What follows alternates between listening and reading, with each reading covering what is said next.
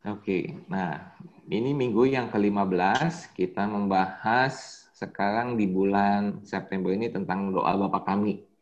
Ya, doa Bapak kami dan kita udah masuk yang ketiga ya. Saya coba mereview minggu yang pertama kita sudah ngebahas prinsip dari doa sebelum kita belajar tentang doa Bapak kami yang terambil juga di dalam Matius 6 dan Lukas yang ke-11 ya. Dan juga minggu kedua kita udah belajar inti dari doa Bapa kami, ya. Inti dari doa sebenarnya waktu kita berkomunikasi dengan Tuhan itu intinya adalah mencari kehendak Bapa, mencari kehendak Tuhan dalam kehidupan kita.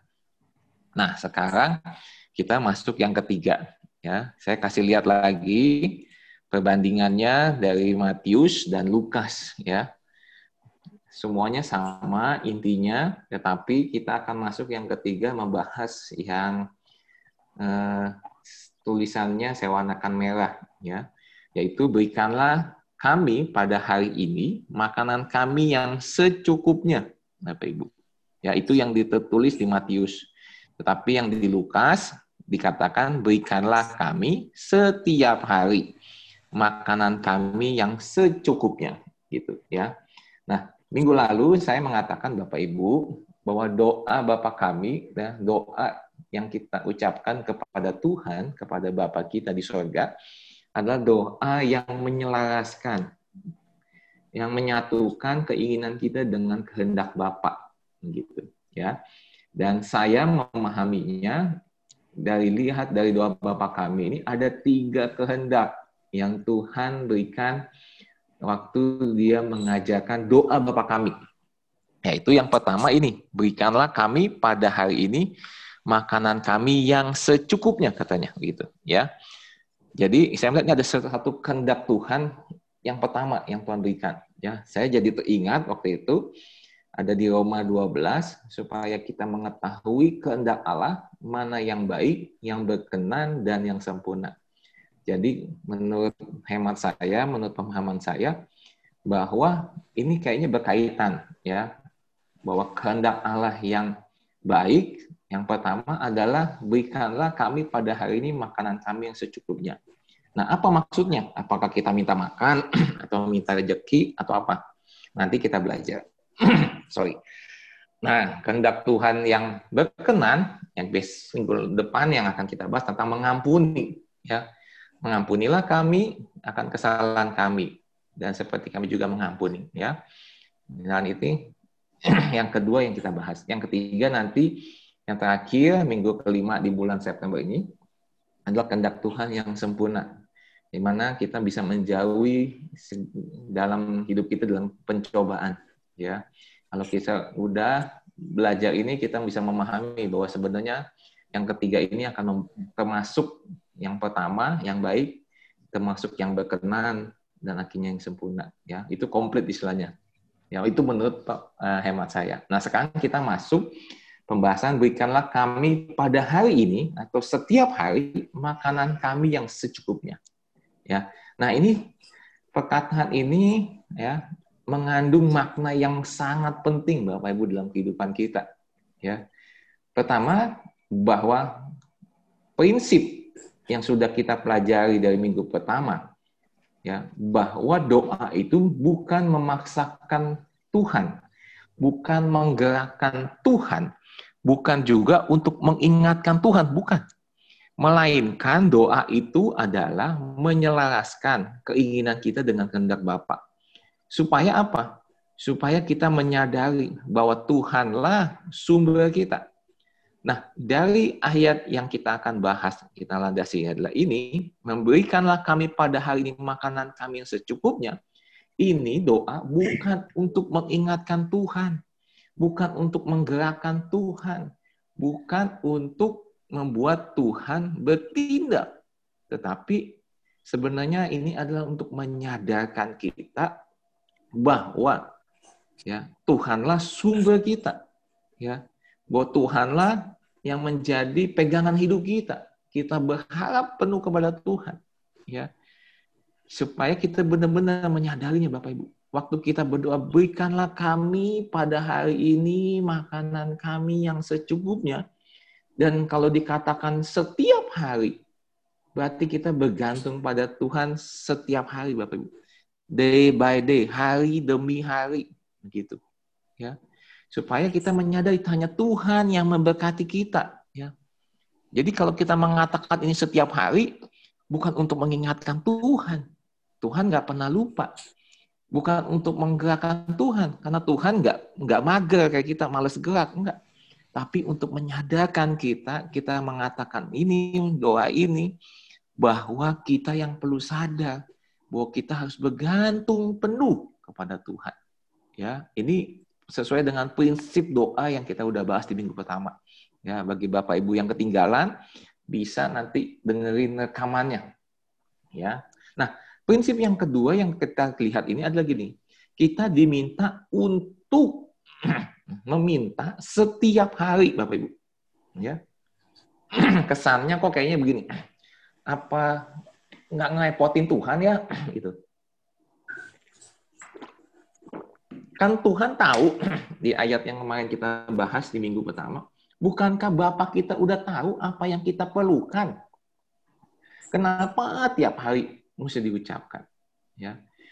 Di sini Bapak Ibu, saya melihat begini, bahwa Tuhan mau setiap kita benar-benar menyadari untuk kita terus meminta setiap hari, hari lepas hari, ya berdoa kepada Tuhan, meminta kepada Dia karena memang perintahnya Dia. Mintalah maka kamu akan diberikan. Ya, Carilah, maka kamu akan mendapatkan. Ketuklah, maka pintu akan dibukakan. Dan ini memang perintah Tuhan meminta. Tetapi minta ini apa maksudnya? Gitu. Tuhan melihat bahwa kita harus menaruh iman kita, percaya kita itu setiap hari Bapak Ibu. Ya. Jadi mungkin ini agak bertentangan dengan pemahaman-pemahaman kita sebelumnya bahwa oh, kita nggak usah ngerepotin Tuhan lah, bahwa kenapa kita harus mesti ngomong setiap hari. Ini bukan termasuk doa bertele-tele, Bapak Ibu, bukan. Ini adalah kesadaran kita untuk menyadarkan diri kita yang mudah khawatir, yang mudah gelisah, yang mudah susah berharap kepada Tuhan. Ya. Nah, Tuhan mau setiap hari kita meminta ke Dia. Dan percayalah Bapak Ibu, Tuhan akan memberkati kita hari lepas hari. Ya. Memang Tuhan meminta kita untuk merencanakan hari esok. Memang Tuhan yang menyuruh juga untuk kita mempersiapkan hari esok. Tetapi yang namanya meminta kepada Tuhan, ya harus hari lepas hari, Bapak Ibu. Ya. Tujuannya apa? Bahwa pengharapan kita ya, dalam memenuhi kebutuhan hidup kita ada di dalam Tuhan. Gitu. Nah, saat kita minta Bapak Ibu, maka kita sebenarnya sedang mempersiapkan diri kita sendiri, ya. Mempersiapkan dengan apa? Dengan percaya, dengan iman bahwa sumber satu-satunya dalam hidup kita ini adalah cuma Tuhan. Satu-satunya cuma Tuhan. Ya. Nah, karena dialah Bapa kita, dialah sumber kita. Jadi dengan setiap hari kita berdoa, meminta kepada Tuhan, itu membuat supaya kita tidak ragu lagi. Supaya kita semakin yakin. ya Benar-benar yakin. ya Bukan setelah doa terus mikir, e, dikasih nggak ya? Dijawab nggak ya? Nggak. Tapi benar-benar yakin bahwa kita sudah menerimanya. Seperti kata firman Tuhan. ya Sudah menerimanya Bapak Ibu. Ya. Nah, Kemarin kita belajar Bapak Ibu di dalam Yakobus 5 kalau masih ingat bahwa doa yang lahir dari iman ya ya itu juga doa orang yang benar bila dengan yakin katanya ya yakin maksudnya apa dengan percaya dengan iman ya sangat besar kuasanya. Ya tentu yang pertama doa orang yang benar. Orang benar kita orang benar. Orang yang sudah dibenarkan Tuhan. Tetapi bukan hanya sekedar kita udah dibenarkan, dikatakan dengan yakin, dengan percaya penuh, dengan iman, Bapak Ibu. Maka doa kita besar kuasa aja, ya. Nah, Iman kemarin waktu uh, bulan kedua kita belajar atau minggu ke berapa tuh? Ke delapan atau mungkin ke enam ya? Kita udah belajar bapak ibu. Ya. Dosa itu tidak percaya ya. Dosa intinya cuma satu. Mau dosa kayak apa pun intinya tidak percaya kepada Tuhan. Nah iman ini adalah lawannya. Iman itu percaya penuh kepada Tuhan, percaya penuh kepada janji Tuhan, percaya penuh kepada firman Tuhan. Nah, jadi doa yang percaya kepada kehendak Bapa, keinginan Bapa, ya, percaya bahwa Bapa yang mau melakukannya, Bapa yang berkehendak, itu besar kuasanya, ya. Jadi bukan sekedar yakin, ya, bukan sekedar percaya, bukan. Tetapi benar-benar percaya atas kehendak Bapa. Ya. Nah, bila kita benar-benar yakin Bapak Ibu, percaya sungguh bahwa inilah yang Tuhan kehendaki, ini yang Tuhan janjikan, ya, kita akan menerima jawaban doa itu.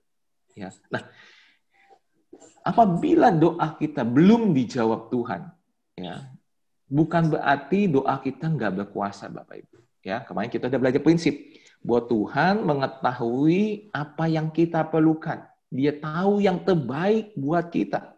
Ya, minta roti nggak dikasih ular, tapi juga nggak dikatakan dikasih roti. Kenapa? Karena Tuhan tahu yang terbaik. Ya, minta telur nggak dikasih kala jengking, gitu ya, kalau nggak salah. Tapi juga nggak dikasih telur. Kenapa? Karena Tuhan tahu yang terbaik. Nah, jadi doa itu mencari kehendak Bapa. Doa itu mencari apa yang Tuhan inginkan, menyelaraskan keinginan kita dengan Tuhan perlu hal ini kita membahas yang namanya iman, Bapak Ibu. Kenapa? Karena orang yang beriman, orang yang percaya itu, ya, itu harus dibangun hari lepas hari, Bapak Ibu. Jadi saya memahami, saya melihat Bapak Ibu, doa Bapak kami, berikanlah kami pada hari ini makanan kami yang secukupnya. Saya melihat ini berbicara pentingnya kita memiliki iman Kenapa?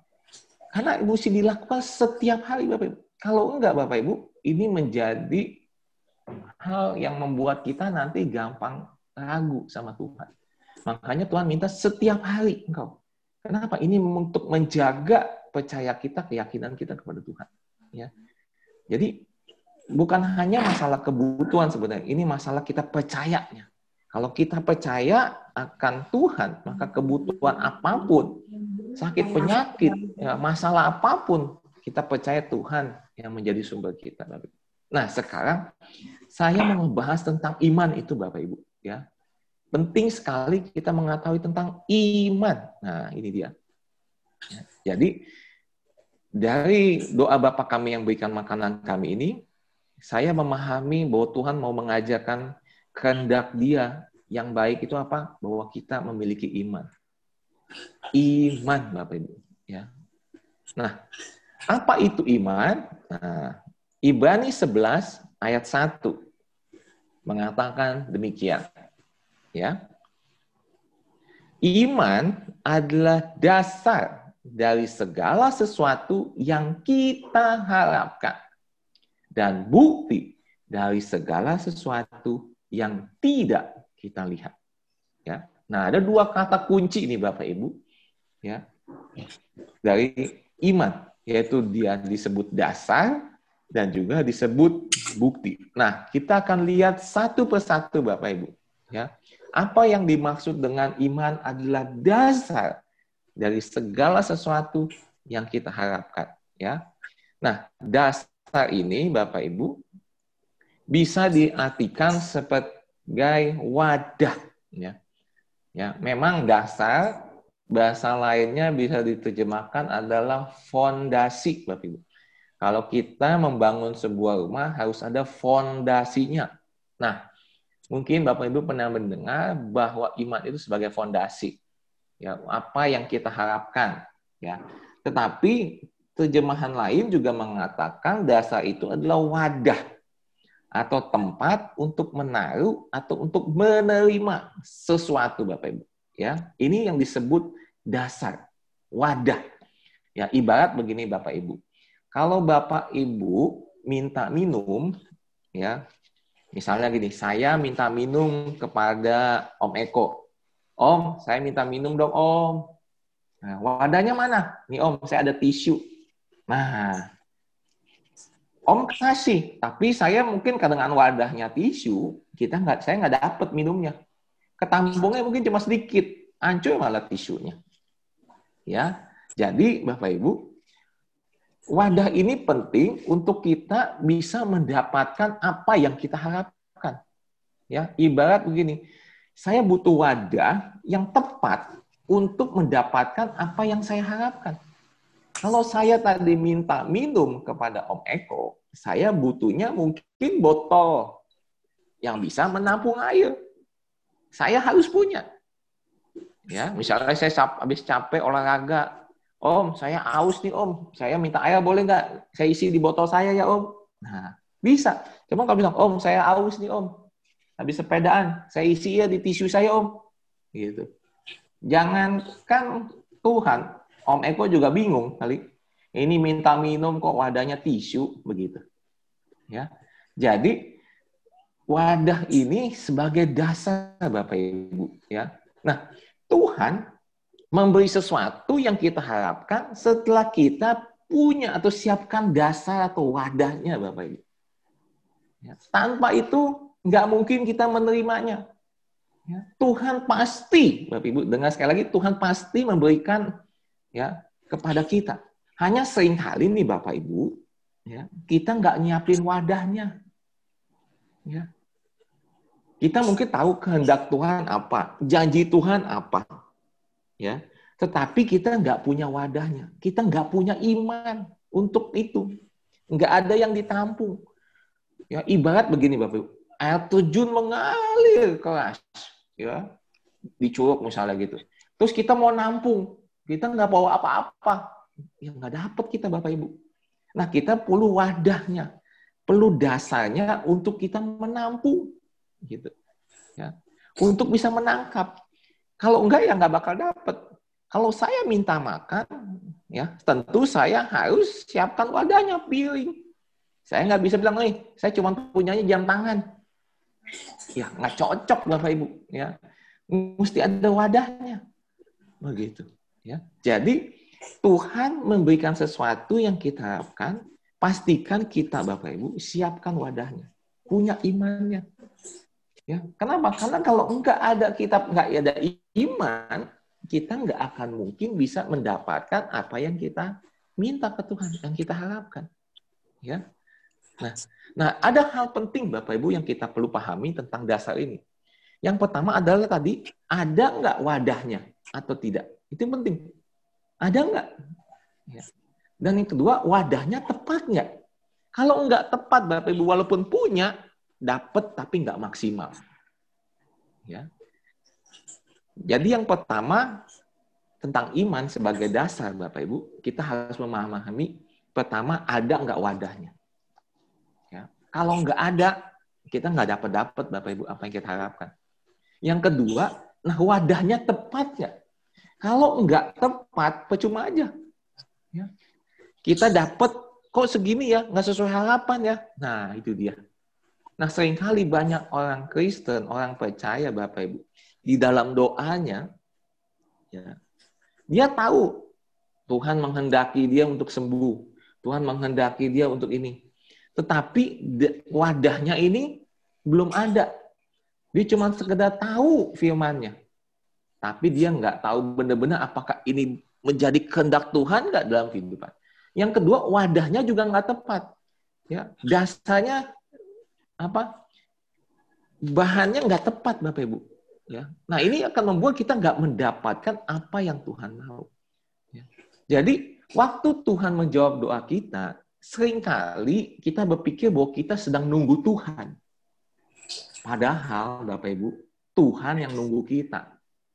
Ada nggak wadahnya? Ya. Kemarin kita udah belajar, Bapak Ibu, bulan kemarin tentang namanya full energy. Ya. Tuhan udah melimpahkan segala kekuatannya kepada kita. Ya. Sudah Bapak Ibu. Ya. Dan kita perlu memiliki kekuatan itu supaya kita menjadi orang yang disebut Alkitab manusia rohani. Ya. Nah, waktu kita punya kekuatan Bapak Ibu, itu artinya kita punya iman. Ya, kita bisa berdoa dengan penuh kuasa, kita pun bisa melakukan hal-hal yang Tuhan kehendaki karena kita punya kekuatan. Seringkali kenapa orang Kristen ya hidupnya nggak seperti yang Tuhan kehendaki karena dia nggak dapat cas, nggak dapat kekuatan. Dia nggak punya dasarnya Bapak Ibu. Ya, entah dia nggak ada wadahnya atau wadahnya dia itu nggak tepat. Nah, itu dia masalahnya. Dan sering kali orang bertanya-tanya, aduh, kok saya nggak dijawab-jawab ya, kok begini ya, kok begitu ya. Padahal Tuhan sudah dengan siap memberkati. Tuhan sudah siap untuk menjawab doa. Tetapi sering kali kita nggak mempersiapkan diri untuk setiap wadah yang Tuhan mau dan Bapak Ibu. Nah, karena itu Bapak Ibu, ya kita harus mengerti ini kalau kita nggak mengerti, ya, kita sering kali malah jadinya menyalahkan Tuhan. Ya. Nah, jadi iman ini berbicara tentang dasar, wadah. Ya. Jangan lagi kita berpikir bahwa kita sedang berdoa menunggu Tuhan. Tapi sering kali yang yang menurut kita ganti sekarang adalah kita yang kita yang ditunggu Tuhan ya untuk mendapatkan berkatnya. Ya, berkat Tuhan sudah dicurahkan ke kita. Tetapi kita tidak menerimanya karena kita tidak memiliki wadah untuk menampungnya. Ya, Bapak Ibu. Nah, jadi apa saja yang boleh diharapkan Bapak Ibu? Firman Tuhan mengatakan banyak. Ada kesembuhan, ada kekudusan, ada berkat, ada hikmat, ada kemuliaan, ada keselamatan. Ini yang bisa kita harapkan Bapak Ibu kepada Tuhan. Ya, karena memang sesuai dengan janjinya Tuhan, sesuai dengan firman-Nya Tuhan. Ya. Jadi berharaplah apa yang Tuhan janjikan. Jangan berharap kepada sesuatu yang tidak Tuhan janjikan. Ya, misalnya contoh saya berdoa, Tuhan saya pengen punya ekor dong. Nggak bakal dijawab Bapak Ibu. Tuhan, saya mau punya sayap dong, biar bisa terbang. Nggak bakal dijawab. Ya. Harus ada dasarnya, ada firman. Ya. Kalau nggak ada, percuma kita berharap. Ya. Nah, banyak orang Kristen dulu diajarin begini. Ya. Kalau kamu mau dapetin sesuatu, tumpangin tangan kepada benda itu. Doain, percaya nanti Tuhan kasih. Ya ampun, Bapak Ibu. Apakah itu yang diajarkan Tuhan? Ya. Apakah itu yang Tuhan katakan pribadi ke dia, Bapak Ibu? Ya. Kalau dikatakan pribadi silakan, cuman sekali lagi firmannya ada nggak gitu? Oke lah, mungkin ngikutin kayak ini Yosua ngelilingin tembok Yeriko. Wah, akhirnya yuk kita kelilingin nih tempat gitu. Ya kalau disuruh Tuhan sih nggak apa-apa Bapak Ibu. Cuman kalau Tuhan sampai kagak suruh, kita ini punya dasarnya yang nggak tepat jadinya. Minta sesuatu yang nggak ada dasarnya. Ya. Jadi benar-benar kita mesti iman itu adalah dasar Bapak Ibu. Ya. Dasar dari segala sesuatu yang kita harapkan. Ini menjadi kalau tadi saya katakan rumah itu fondasi.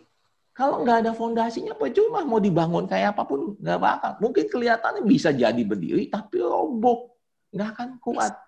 Ya. Kita mungkin dapat, tapi nggak maksimal, bapak ibu. Ya. Nah ini kita perlu pahami. Nah kalau nggak, dalam doa Bapak kami pun begitu, Bapak Ibu. Kita minta kepada Tuhan, ya makanan kita setiap hari, tapi kita nggak siapin wadahnya. Kita nggak punya dasarnya. Kita nggak tahu, kok cuma asal kita ngomong aja, kita nggak percaya, nggak, kita nggak dapat apa-apa, Ibu. Ya, perlu dengan yakin, sungguh, maka kita akan mendapatkannya. Nah ini dilatih setiap hari, hari lepas hari, day by day. Ya, untuk mengingatkan kita terus bahwa sumbernya cuma Tuhan. Membuat kita makin lama makin percaya. Iman kita makin bertumbuh, Bapak Ibu. Makin bertumbuh. Ya, jadi ini mesti ada dasarnya. Kalau nggak ada dasarnya, berbahaya. Ya. Nah, nanti kita lanjut mungkin makin lama kita akan makin dalam. Nah, yang kedua Bapak Ibu kata dasar ini juga ya berarti bahan baku. Ya. Jadi bila kita beriman, kita sedang menyiapkan bahan bakunya Bapak Ibu. Ya. Setiap berkat dan janji Tuhan itu ada bahan bakunya. Ya. Misalnya untuk kita bikin kue, Bapak Ibu, bahan basahnya, bahan bakunya adalah tepung terigu misalnya. Ya, bikin kue, bikin roti, begitu kan? Ada. Tapi kalau kita ganti bahannya pakai semen, ya bisa sih jadi kue, tapi kagak bisa dimakan. Bisa jadi kue, ya dipanasin, didinginin, jadi keras tuh. Bukan jadi kue, buat mungkin jadi nyambit buat nyambit anjing bisa, buat ganjelan pintu bisa, tapi nggak jadi kue. Nah iman harus tepat juga bahan bakunya Bapak Ibu. Kalau enggak tepat, ya nggak jadi Bapak Ibu. Karena ini bahan bakunya. Ya.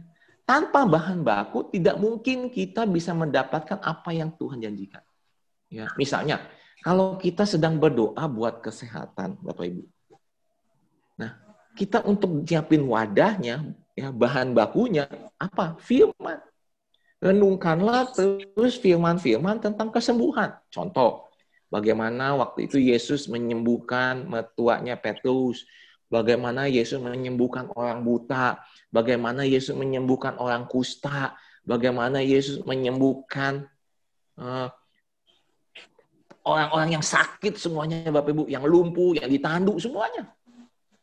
Supaya apa? Setiap hari, day by day, kita renungkan itu. Supaya makin percaya, makin percaya, makin percaya. Kalau kita nggak renungkan, bahan bakunya nggak jelas, Bapak Ibu, ya kita nggak akan punya iman, nggak punya kekuatan untuk itu. Ya. Kita berdoa buat apalagi untuk masalah keluarga kita. Ya. Renungkan firman Tuhan, bahwa Tuhan akan memulihkan, Tuhan akan mengubah ya hal-hal yang nggak sesuai dengan kehendaknya dan kita doakan, percayakan, termasuk masalah ekonomi, ya, masalah anak, masalah keturunan, nah, itu yang perlu direnungkan supaya kita punya bahan bakunya nih bapak ibu, mendapat, menyai wadah, gitu, ya. Kalau enggak, nanti kita enggak mendapatkan apa yang kita harapkan. Bukan Tuhan enggak mau memberi, Bapak. Bukan. Tuhan sedang lihat kita udah punya nggak wadahnya, iman itu. Punya nggak bahan bakunya. Segala sesuatu di muka bumi ini, Bapak Ibu, baik itu rohani, eh, baik itu jasmani, ya, secara harafiah atau kelihatan, maupun yang rohani, semua ada bahan bakunya. Semua ada. Manusia aja ada bahan bakunya, Bapak Ibu. Maaf kata, dari sel sperma dan sel telur itu bahan bakunya. Itu bahan. Bumi ini diciptakan juga ada bahan bakunya itu apa? Firman. Apa yang Tuhan katakan, jadilah terang. Jadi. Itu bahan bakunya Bapak Ibu. Jadi, kita kalau beriman harus siapkan bahan bakunya dengan baik. Ya. Bahasa Inggrisnya bahan baku ingredients, ya. Jadi, kita harusnya ada semuanya ada bahan baku. Ya. Tapi jangan sampai salah buat bangun rumah bahan bakunya mungkin ada semen ya ada batu bata ya dan sebagainya. Untuk bikin kue bahan bakunya tepung terigu bisa begitu. Untuk bikin mobil bahan bakunya lain lagi. Bikin laptop bikin handphone bahan bakunya beda lagi. Semua ada bahan bakunya. Dan apa yang kita harapkan semuanya ada bahan bakunya bapak ibu. Ya, ada bahan bakunya. Jadi beriman dengan dasar yang tepat Bapak Ibu. Dengan wadah yang tepat dan bahan baku juga yang tepat. Ini yang penting. Nah, ya tadi dikatakan ya bahan baku kue tepung terigu telur mentega dan sebagainya beda-beda jadi setiap hal yang mau kita minta atau kita buat bahan bakunya beda-beda bapak ibu nah sekarang bagaimana nih pertanyaannya kita mengumpulkan bahan baku, Bapak Ibu. Bagaimana bahan baku itu bisa terwujud? Kan begitu, ya. Bapak Ibu, sekarang Bapak Ibu tahu yang namanya mujizat? Tahu pasti. Ya. Tahu nggak yang namanya mujizat pencernaan, Bapak Ibu? Ya. Kenapa saya bilang pencernaan itu mujizat? Karena ini sesuatu yang menurut saya ajaib, Bapak Ibu. Kita nggak tahu, tapi itu terjadi. Ya, Bapak Ibu tahu bagaimana ikan bisa menjadi manusia? Ya. Ada pernah lihat ikan jadi manusia, Bapak Ibu? Ya. Oh, Little Mermaid. Nah, mungkin ada yang gitu ya. Yang film-film kartun Putih Duyung gitu. Ya. Ada yang pernah lihat ayam jadi manusia? Ya, atau saya mungkin tambahkan ya kalau kita nih mungkin suka makan cunyuk, menang lihat babi jadi manusia? Nah, Bapak Ibu. Waktu kita makan Bapak Ibu, misalnya kita makan ikan, kita kunyah masuk ke perut kita, dicerna oleh anggota tubuh kita, kita nggak tahu tuh. Nanti tuh ikan larinya ke mana, Bapak Ibu? Yang berguna pasti dipakai buat anggota tubuh kita semuanya. Buat tubuh kita semakin sehat, makin kuat. Sisanya nggak dipakai, dibuang. Tetapi itu ikan udah jadi manusia, Bapak. Jadi kita. Anak kita dari kecil, kita kasih makan ikan, kita kasih makan ayam, kita kasih makan babi mungkin. Coba, dia tetap jadi manusia. Nggak jadi ikan, nggak jadi ayam, nggak jadi babi kan. Jadi manusia makin bertumbuh, makin besar, makin dewasa. Nah ini yang saya sebut mujizat pencernaan Bapak Ibu. Nah apa hubungannya? Nah ini dia Bapak Ibu. Kita penting mesti ketahui bagaimana firman itu bisa menjadi namanya iman Bapak Ibu. Kita lihat nih di dalam Mazmur 1 ayat 2 sampai 3 Bapak Ibu. Ya. Firman Tuhan mengatakan ini, tetapi yang kesukaannya ialah Taurat Tuhan. Yang merenungkan Taurat itu siang dan malam. Waduh, sesuai banget dengan lagunya Jimmy tadi ya, Jim. Saya nggak janjian, tahunya kamu ngasih lagu sama nih. ya. Ia seperti pohon yang ditanam di tepi aliran air, yang menghasilkan buahnya pada musimnya, dan yang tidak layu daunnya, apa saja yang dibuatnya berhasil. Nah, Bapak Ibu, bagaimana makanan yang kita makan menjadi manusia ya sama seperti bagaimana firman itu bisa diubah menjadi iman Bapak Ibu. Nah, ini penting Bapak Ibu. Ya. Dikatakan tadi adalah gini, yang kesukaannya menungkan Taurat itu siang dan malam. Ya. Pelajaran bulan kedua, kita udah ngebahas ke 10 firman. Kita udah ngebahas apa itu Taurat di minggu keempat bulan Juli, Bapak Ibu. Taurat itu adalah standar kekudusan Tuhan. Ya, jadi Taurat itu sebenarnya Tuhan itu sendiri. Ya. Nah, jadi Taurat yang disebut dengan firman Allah yang adalah Allah sendiri, ya, itu harus direnungkan Bapak Ibu, direnungkan. Ya. Nah, ini yang saya sebut mujizat pencernaan Bapak Ibu. Waktu firman itu bukan sekedar kita baca, tetapi direnungkan siang dan malam, day by day, hari demi hari, maka firman itu menjadi iman. Nah, supaya film kita memiliki iman Bapak Ibu, bahan bakunya dasarnya adalah harus firman. Ya. Kenapa? Karena itu yang membuat kita memiliki kekuatan dari Tuhan, memiliki iman. Ya. Tanpa merenungkan firman Bapak Ibu, kita nggak akan mungkin ya, memiliki iman. Ya, firman Tuhan di dalam Roma ya 10 ayat 17 dikatakan iman timbul dari pendengaran dan pendengaran oleh firman Kristus. Nah, ini bukan sekedar mendengar loh Bapak Ibu, bukan. Tapi pendengaran day by day, hari demi hari yang kemudian direnungkan, dicerna. Ya. Dan inilah yang menjadi iman Ya. Nah, saat kita menungkan firman Tuhan, Bapak Ibu, maka hidup kita memiliki iman. Ya. Dan kalau kita lihat tadi di dalam Matius eh Matius di Mazmur Bapak Ibu ya orang yang merenungkan firman dikatakan apa? Ia seperti pohon yang ditanam di tepi aliran air yang apa? menghasilkan buahnya pada musimnya dan yang tidak layu daunnya. Maksudnya apa tuh? Maksud ini, itu pohon berfungsi secara normal Bapak Ibu. Normal. Saya, kita nggak ngomongin sukses dan berhasil dulu deh Bapak Ibu. Normal. Kalau kita mau jadi orang Kristen yang berjalan sesuai kehendak Tuhan secara normal, Bapak Ibu. Renungkanlah firman Tuhan itu siang dan malam, setiap hari. Kalau enggak direnungkan, Bapak Ibu, kita bisa berjalan tidak normal. Enggak bisa jalan semestinya.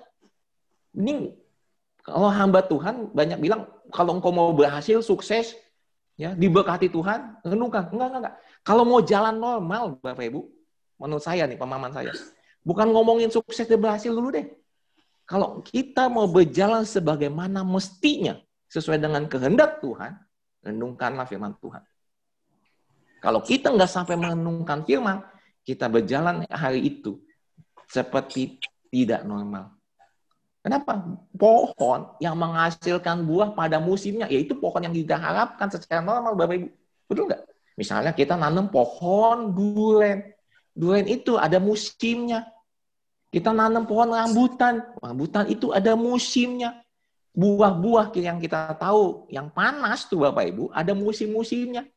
Tapi buah-buah yang dingin, istilahnya banyak airnya, kayak pepaya, pisang, yang nggak bikin panas tuh, itu bisa kapan aja. Tetapi pohon yang berbuah pada musimnya, yang ditunggu-tunggu nih, itu berarti pohon yang normal Bapak Ibu. Normal. Yang nggak layu daunnya apa? Ya berarti normal. Kalau yang guguran, ya bisa dibilang juga normal sih sebenarnya karena itu proses dari pertumbuhan pohon itu sendiri. Tapi kalau kita mau berjalan normal nih Bapak Ibu, ya, yang menghasilkan buah pada musimnya dulu, harus pertama renungkanlah firman.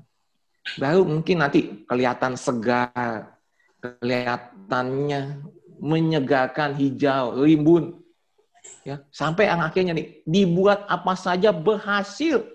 Nah, itu, itu tahapan itu Bapak. Tapi langkah pertama kalau kita mau berjalan semestinya normal Bapak Ibu. Renungkanlah firman. Bukan ngomong berhasil dulu deh, ya. Jangankan kita ngomong mau berhasil, mau normal aja kadang kita nggak mau renungin firman. Maunya cuma yang berhasil, berhasil, berhasil, sukses, sukses, sukses, diberkati, diberkati, diberkati. Tapi kalau kita mau berjalan semestinya, apa yang Tuhan mau, Bapak Ibu. Dari hal yang paling sederhana, Tuhan mau kita renungkanlah firman. Ya. Dan ini bisa timbul dari pendengaran setiap hari akan firman Kristus. Ya. Jadi ini yang saya sebut pencernaan Bapak Ibu. Ya. Apa pun yang saya makan, kemudian dicerna, maka menjadi diri saya. Ya. Nah, apa pun yang saya dengar, ya, kemudian dipikirkan nih Bapak Ibu, maka itu menjadi iman atau keyakinan saya. Nah, saya kan saya pengen Bapak Ibu memperkatakan hal ini. Ya, sama-sama dengan saya. Apa pun yang saya makan kemudian dicerna maka menjadi diri saya. Ya. Nah, apa pun yang saya dengar kemudian dipikirkan itu menjadi iman percaya saya. Nah, ya, jadi kita perlu hati-hati, Bapak Ibu, dengan apa yang kita dengar. Ya, termasuk juga apa yang kita lihat nih. Makanya nggak heran tadi kalau kita lihat di Mazmur Bapak Ibu, ayat pertamanya menarik nih. Ya. Nah, unik ya. Jadi udah kelewatan firman yang direnungkan menjadi iman ya firman berubah menjadi iman. Nah, ayat yang kesatunya nih Bapak Ibu coba perhatikan. Berbahagialah orang yang tidak berjalan menurut nasihat orang fasik. Ya, Mazmur 1 ayat 1. Yang tidak berdiri di jalan orang berdosa. Yang tidak duduk dalam kumpulan pencemooh. Ya. Ya. Daud menulis ini dengan pemulaan seperti ini Bapak Ibu. Sebelum menulis ada yang kedua tadi. Ya yang kesukaannya menunggang Taurat enggak, dia lagi berbahagialah orang yang enggak berjalan nggak berdiri, nggak duduk. Di mana? Di menurut nasihat orang fasih, ya, menurut di jalan orang berdosa, di dalam kumpulan pencemooh. Maksudnya apa sih Bapak Ibu? Hati-hati dengan apa yang kita dengar. Hati-hati nih Bapak Ibu. Kenapa? Karena nasihat orang fasik, ya, jalan orang berdosa, kumpulan pencemooh ini bisa mempengaruhi hidup kita. Kenapa? Karena yang kita dengar, yang kita pikirin, itu yang menjadi iman kita. Oleh karena itu, Bapak Ibu, saya mendorong sekali lagi lewat forum ini. Ya, sekali lagi, saya mau mendorong, jadilah teladan yang baik, Bapak Ibu. Ya, untuk apa? Dengan tidak kebanyakan jajan. Ya, jajan dengan berita-berita di HP, di media sosial. Kenapa? Karena kita nggak tahu Bapak Ibu itu dia hoax atau benar, kita nggak tahu. Hati-hati. Ya. Kita mesti lihat mana sumbernya yang tepat. Ya. Jangan dipercaya, jangan dianggap sebagai kebenaran. Kenapa? Di media sosial, Bapak Ibu, semua orang bisa beropini. Ya. Saya nggak tahu nih Bapak Ibu pernah dapat apa enggak. Sekarang baru dikatakan lagi gini, gunakanlah minyak kayu putih di jidat, di hidung, di kuping, di dagu, menangkal corona. Ya, secara medis saya nggak tahu tuh Bapak Ibu, tapi itu juga termasuk benar apa enggak? Kita nggak tahu. Dan kita nggak bisa mempolisikan orang yang bikin itu kan. Coba kalau saya bilang gini, Bapak Ibu, pakai minyak nyong-nyong, olesin di alis, olesin di kumis, olesin di jenggot, nanti buat nangkal corona. Nggak bakal ada yang nangkep saya polisi, Bapak Ibu. Tapi orang gampang percaya. Jangan cepet-cepet percaya Bapak Ibu. Membuat apa? Kita dengar berita-berita yang menakutkan, apa yang kita dengar, ya, didengar setiap hari, kemudian jadi kepikiran, itu jadi iman kita. Malah jadi wadahnya salah nih. Berharap supaya nggak sakit, tapi karena ketakutan, karena khawatir, malah jadi sakit. Jadi mulai saat ini, yuk stop dengan jajan berita-berita di media sosial atau HP. Karena itu berita belum tentu bisa dipertanggungjawabkan Bapak Ibu. Kalau memang jelas sumbernya siapa, ngomong yang ngomong siapa, orangnya kita tahu, silahkan. Ya, ada juga nulis pakai nama profesor lah, dokter lah. Coba cek dulu, ada nggak itu orang? Benar nggak punya gelar? Bapak Ibu, kalau saya mau ngomong, Bapak Ibu, makan oh, kulit durian buat penyakit ini sembuh. Ya, terus saya sebarin. Nggak ada yang mempolisikan Bapak Ibu. Ya, itu opini pribadi, lembuah kok. Ya, pengalaman-pengalaman. Yang bilang lagi kemarin minyak dari mana lagi. Dia pakai video. Kita nggak tahu kebenarannya. Nah, kita orang Indonesia gampang latah. Percaya, percaya aja. Nah, cuma, Bapak Ibu, kalau Bapak Ibu langganan Netflix, coba cari film judulnya The Social Dilemma. Ya, atau lihat di YouTube trailernya deh. Bagaimana media sosial mempengaruhi pikiran kita. Salah satu nih contohnya Bapak Ibu yang terjadi di Indonesia nih. Bapak Ibu tahu penyerangan di Mapolsek Ciracas? Udah ketahuan. Gara-gara apa? Gara-gara berita hoax. Dan akhirnya tuh ratusan tentara menyerang Mapolsek Ciracas. Tapi itu semua hoax. Bayangkan Bapak Ibu. Hoax. Ya. Apa yang didengar, apa yang dipikirin, jadi iman percaya dan kemudian bertindaklah sesuai dengan percayanya. Jadi Bapak Ibu, yuk berhati-hati dengan apa yang kita dengar. Banyak-banyak renungkan firman aja deh. Jangan kebanyakan ngeliatin media sosial sama WA. Aduh. Bukannya kita nggak mau tak, bukan yang nggak peduli dengan corona, bukan Bapak Ibu. Corona memang ada, betul ada. Ya. Betul itu mematikan. Ya. Tetapi janganlah kita banyakkan ngenungin corona dibandingin firman Tuhan. Sekali lagi, lewat forum ini, ayo ya, Kalau kita sampai takut, Bapak Ibu, sampai khawatir, itu artinya belakangan ini nih Bapak Ibu, kita kebanyakan dengerin berita yang menakutkan, ngebaca, ngebaca yang nakutin. Sehingga kita jadi kepikiran terus, itu jadi keyakinan kita. Ya. Tapi ayo renungkan firman Tuhan. Ya, waktu udah baca media sosial, baca WA, ayo mesti ada penangkalnya firman. Apa yang firman Tuhan katakan? Oh iya, dunia makin lama makin rusak. Dengan kejadian ini firman Tuhan tergenapi. Dan mesti apa? Kita tetap harus berjaga-jaga. Kita harus tetap beriman. Kita tetap harus mempertahankan. Nah, itu yang kita dengar. Supaya kita tetap kuat. Jadi sekali lagi Bapak, iman adalah dasar, wadah ya, yang kita harapkan. Kalau kita mengharapkan kesembuhan, kita mengharapkan berkat Tuhan, wadahnya harus ada. Dan harus juga tepat nggak wadahnya. Yang kedua berbicara bahan bakunya. Ya. Bahan bakunya adalah firman, bukan yang lain. Ya. Kalau kita mengharapkan kesembuhan, yang kalau kita mengharapkan uh, hikmat Tuhan, mengharapkan pemulihan firman Tuhan itu Bapak Ibu. Ya. Nah itu yang perlu kita kuatkan dalam diri kita. Terus sehingga kita bisa mengubah ya yang saya katakan tadi nih firman yang direnungkan menjadi iman. Sehingga firman itu menjadi iman di hati kita. Ini berubah. Inilah disebut mujizat Bapak Ibu. Ya. Ini mujizat. Ya. Firman yang tertulis di Alkitab, Bapak Ibu, ya, ini belum jadi iman sebelum kita renungkan. Oke, itu yang pertama. Kan kita masuk yang kedua nih Bapak Ibu. Dikatakan tadi adalah firman adalah iman adalah bukti dari segala sesuatu yang nggak kita lihat nih Bapak Ibu. Nggak kita lihat, tapi kita punya bukti. Nah, saya kasih contoh yang simpel nih Bapak Ibu, simpel.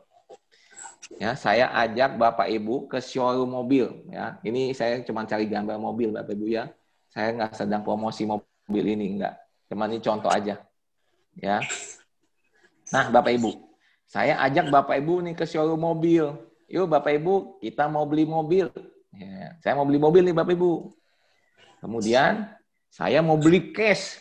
Saya punya duit. Nah, waktu kita beli cash, kita pulang bawa apa Bapak Ibu? Mobil.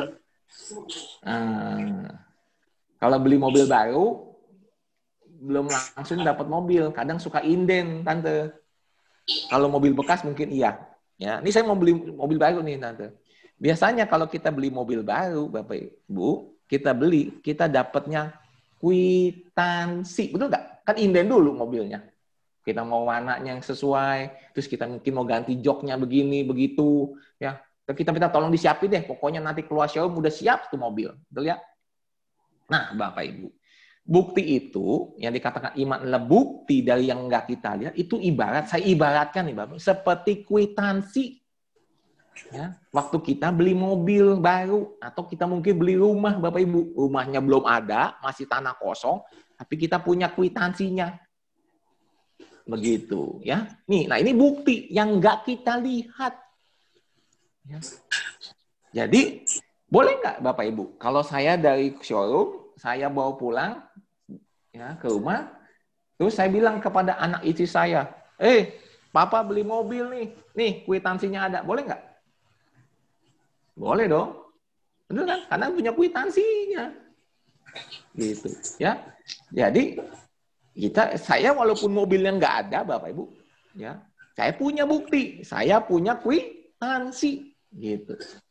Nah, bagaimana nih Bapak Ibu? Kalau saya ke showroom cuma mau lihat-lihat doang, nggak bawa duit. Cuma mau lihat-lihat aja nih ke pameran mobil, lihat sana, lihat sini. Biasanya kalau lihat-lihat dikasih apa Bapak Ibu? Yang dikasih cuman brosur, betul nggak? brosur kalau ngeliat-lihat doang sama, sama SPG cuma dikasih brosur Beli kagak cuma dikasih brosur. Tujuannya supaya nanti ujung-ujungnya beli kan begitu. Ujung-ujungnya beli. Nah, Bapak Ibu, Kalau saya cuman bawa brosur pulang ke rumah atau ke, ke home ini, itu saya bilang gini, Papa, bu, Papa punya mobil nih, mana buktinya? Nih brosurnya. Ya. Jangankan Bapak Ibu, anak saya bilang gini, Papa lagi stres nih, jangan-jangan mulai kena corona nih, gitu. Lah masa bawa brosur dibilang kita punya mobil, Bapak Ibu? Ya. Jadi Alkitab itu Bapak Ibu ini, ini istilah saya, Bapak Ibu ya. Istilah saya. Alkitab yang tertulis ini, Bapak Ibu, ini sama kayak katalog promosi. Semua orang bisa dapetin. Semua orang bisa punya, Bapak Ibu. Tetapi ini harus jadi iman. Bagaimana Alkitab ini menjadi kwitansi dari promosi jadi kwitansi, Bapak Ibu. Ibarat begini Bapak Ibu. Kalau hamba Tuhan banyak bilang gini, firman Tuhan ini yang logos ini, ini logos di Bapak Ibu. Ya. Menjadi rema. Jadi iman dalam kita. Ya. Logos itu penting nggak? Bagus nggak? Penting Bapak Ibu. Ini. Ya. Logos itu artinya gini Bu, ditulis dengan pemikiran, ya, ditulis dengan pemahaman, terbukti sah.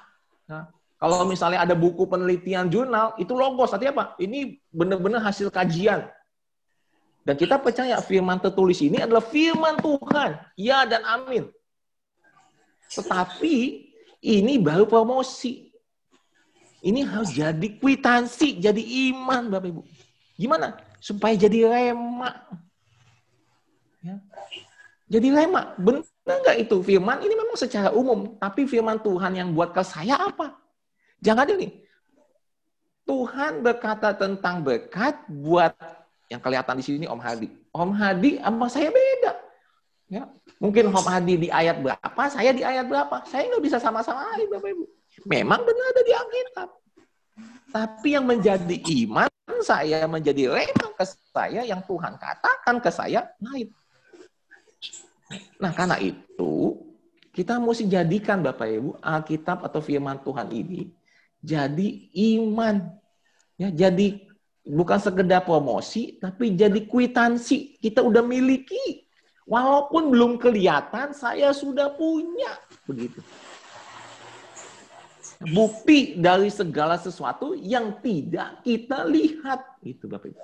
Itu firman itu yang menjadi iman. Ya, menjadi iman Bapak Ibu. Nah, sekali lagi.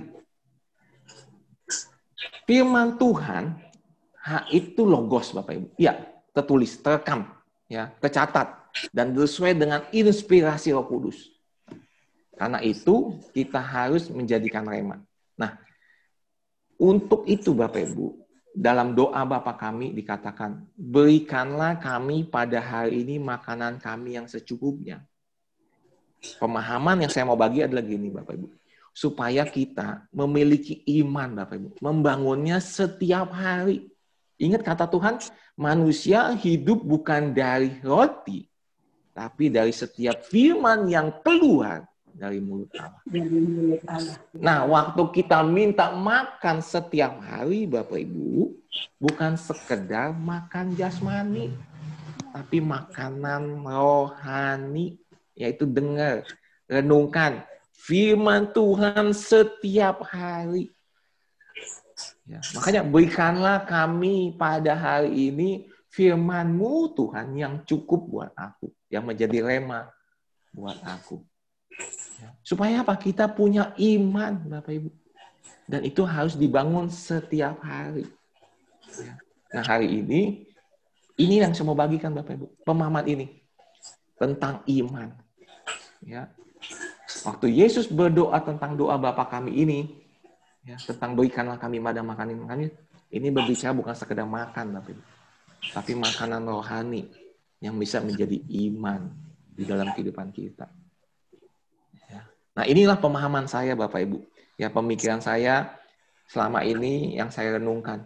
Ya, saya pernah khotbahkan ini sebenarnya beberapa tahun yang lalu, tapi judulnya bukan ini, tapi judulnya waktu itu kalau nggak salah bagaimana hidup memuliakan Tuhan.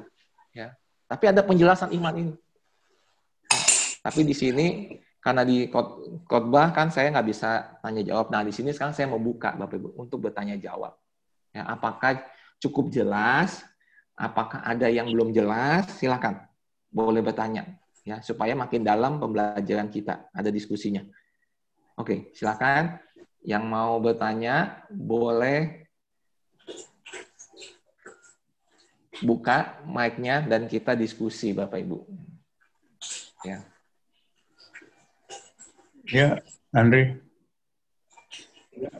Ya, silakan Om Hadi. Iya, tadi kan iman timbul dari pendengaran, pendengaran akan firman Tuhan ya.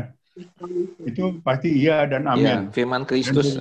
terima kasih penjelasan amin. Andri cukup jelas dan menjadi berkat. Cuman yang saya mau tanya, ada orang beriman mm -hmm. tidak membaca firman Tuhan dia cuma dengar-dengar Tuhan Yesus mm.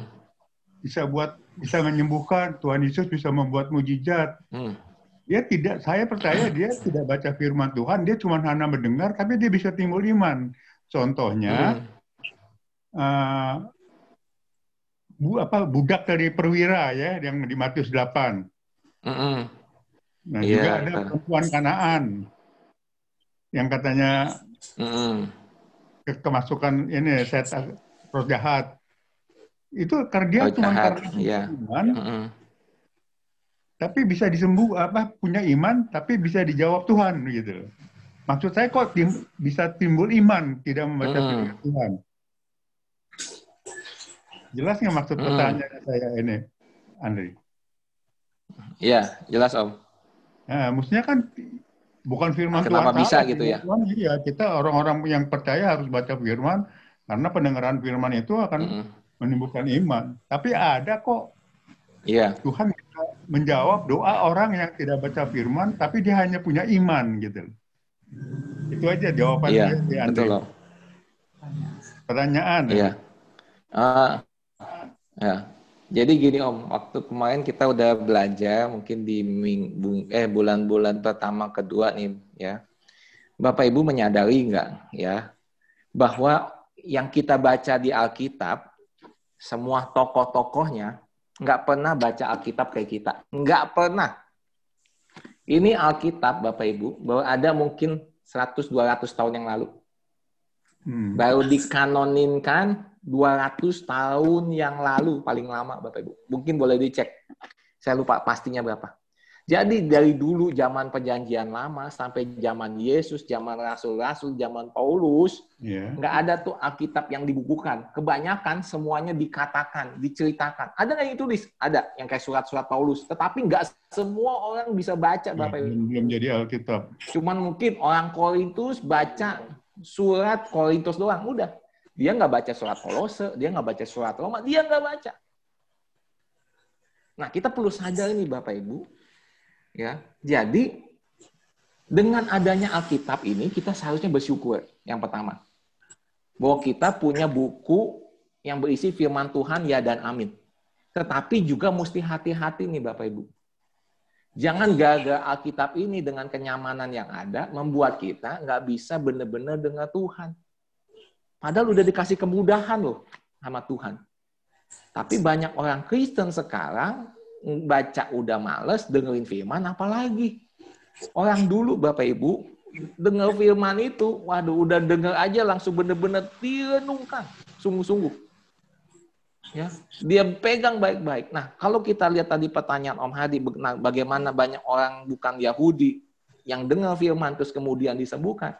Memang iya kata firman Tuhan. Firman Tuhan nggak pernah kembali dengan sia-sia. Waktu dia percaya kepada firman, terjadilah dengan iman. Ya. Nah sekarang kita udah punya buku ini nih. Ini buku luar biasa. Tetapi dengan buku ini banyak orang Kristen menyepelekan. Ya, dianggap waktu baca sudah punya firman. Tapi nggak pernah direnungkan.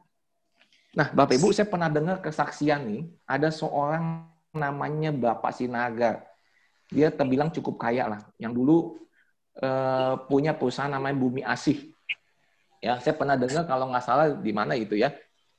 di full gospel atau di mana gitu saya lupa di pertemuan dia orang Kristen orang Batak dia BTL Batak tembak langsung ya jadi dulu dia, dia kesaksian bagaimana dulu dia waktu dari muda ya dia dari kampung ke Jakarta cuman datang jadi kuli panggul di pasar sampai kok dia bisa jadi punya perusahaan besar bumi asih mungkin zaman zaman dulu ya Ya, sekarang ditangani sama anaknya. Ada, ada hotel, ada bank, segala macam. Ya, waktu dia kesaksian begini, apa sih Pak yang membuat engkau bisa diberkati dari kuli panggul sampai bisa menjadi orang sukses, terbilang sukses gitu. Dia bilang begini, saya cuma lakukan satu hal. Apa itu Pak? Saya menungkan firman Tuhan Mazmur 23. Saya baca itu dan saya renungkan. Ah, Masa Pak cuma begitu aja? Iya. Mungkin memang dia baca Alkitab Bapak Ibu. Banyak. Cuman yang dia ingat, yang dia hapus apa, cuman Mazmur 23. Tuhanlah ada gembala aku takkan kekurangan aku. Iya gitu. Terus ditanya, kenapa kok kuli panggul yang lain gak jadi sukses kayak Bapak? Kan banyak orang Batak itu. Betul, banyak orang Batak menjadi kuli panggul katanya. Ya. Tetapi mungkin mereka baca, tapi yang membedakan mereka salah merenungkan. Nah, salahnya di mana? Yang dia renungkan gini, nah kurang ajar itu bos, gaji saya lagi nggak turun-turun, gaji saya segini-gini aja, aduh hidup saya sial mulu. Nah itu yang direnungkan katanya. Wah, saya dengar kesaksian itu Bapak Ibu, saya terbangah. Ah, jadi bukan masalah bacanya. Sejauh mana kita benar merenungkan dan firman itu menjadi iman buat kita, itu yang terjadi dalam hidup kita. Kenapa? Tokoh-tokoh di Alkitab nggak baca Alkitab, Bapak Ibu. Mereka cuma direnungkan, dipikirin. Tuhan Yesus pernah ngomong begini, Tuhan Yesus pernah ngomong begini, firman ini terjadilah sesuai dengan imanmu. Nah, Bapak Ibu, ayo sekali lagi renungkanlah firman Tuhan. Dari awal kita ketemu Zoom ini, saya terus mengajak, ayo Bapak Ibu, di tengah-tengah pandemik ini, kita mungkin nggak bisa merasakan hadirat Tuhan di gereja lagi ya. Mungkin di rumah kita jarang-jarang tapi saatnya Tuhan lagi mendobrak. Janganlah mencari hadirat Tuhan karena hamba Tuhan. Janganlah mencari hadirat Tuhan cuma karena tempat ibadah bukan di mana aja kita bisa dengan merenungkan firman kita bisa merasakan hadirat Tuhan kita bisa berjumpa dengan Tuhan ayo renungkan ya. saya nggak anti dengan baca Alkitab dengan model mana pun Bapak Ibu silakan tetapi tolong, sekali-sekali nih, berhentilah engkau membaca dan direnungkan. Itu yang penting. Ya. Karena di Alkitab tidak ada dikatakan bacalah firman Tuhan siang dan malam, Bapak Ibu. Tapi yang ada renungkanlah firman Tuhan siang dan malam. Nah, itu Om Hadi yang saya mau jawab. Kenapa bisa terjadi kepada orang sekalipun yang nggak percaya, tapi dia tahu firman Tuhan dan kemudian itu dia ikirkan dan imani karena memang firman Tuhan sebegitu dahsyatnya. Begitu, Om. Ya. ya terima begitu kasih, Andre. Cuman saya mau, saya bisa nangkep hmm. walaupun tujuannya nggak nggak hmm. maksud maksud saya dia bukan mendengar firman, tapi saya udah mengerti hmm. sekarang malah jadinya. Dia mendengar Yesus, hmm. bukan mendengar firman loh. Firmannya hmm. nggak pernah dengar. Tuh perwira hmm. di Kapernaum dia nggak pernah dengar firman, cuman dia tahu Yesus bisa menyembuhkan. Nah ini nah, Yesus itu firman Yesus, kan? saya jadi bisa nangkap jawabannya Andre. Dia mendengar Yesus, mm -mm. dia percaya, jadi memang dijawab. Karena apa? Karena pada mulanya adalah firman. Ya. Dan itu adalah Allah. Iya, jadi betul. Yesus sendiri yang dia percaya betul. itu adalah firman. Gitu. Jadi saya bisa ngertinya begitu, Andre. Betul. Lengkapnya begitu. Puji Tuhan, Om. Betul nggak Andre ya? Iya. Ya. Boleh Om nggak apa-apa. Betul nah, Om. Saya malah juga dapat sesuatu yang baik. Iya. Yesus tapi Yesus sendiri adalah Firman. Kan pada mulanya ada Firman. Firman, betul. Adalah Allah. Jadi Firman iya. itu adalah Yesus sendiri. Mm -mm. Amin. Terima kasih Andre. Iya. Ya. Amin Om. Ya, yang Yohanes 1 ayat 1 itu juga dikatakan pada mulanya adalah firman. Nah, itu firman ya. itu tulisannya bukan rema, logos. Logos iya. itu. Pada mulanya adalah logos katanya. Berarti sesuatu yang pasti, sesuatu yang mutlak itu. Sesuatu yang benar-benar nggak ada bantahan. Nah itu logos. Justru jadi nah, penjelasan nah, jadi saya terbuka, ingat ingat itu, ingat Yohanes 1 ayat 1. Iya, ya, betul. Thank you. Thank you. Nah, mungkin yang lain, yang ada yang mau bertanya. Ibu, nih ada yang baru datang nih, Ibu Andriana, selamat datang, selamat bergabung. Ya. Apakah ada yang mau ditanyakan? Silakan atau Om Chandra mungkin? Ibu Susan. Lagi ini aja. Lagi direnungkan saja nih. Iya, Om, boleh. Lagi direnungkan aja nih. direnungkan terus ya. Oke, yang ya. lain mungkin ada yang mau bertanya, ada yang kurang jelas.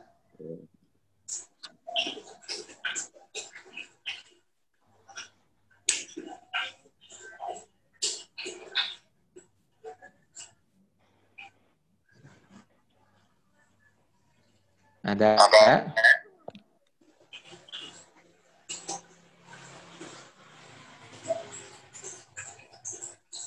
Oke. Kalau nggak ada, saya coba mau tanya nih Bapak Ibu. Saya berharap mungkin takut ada yang tanya.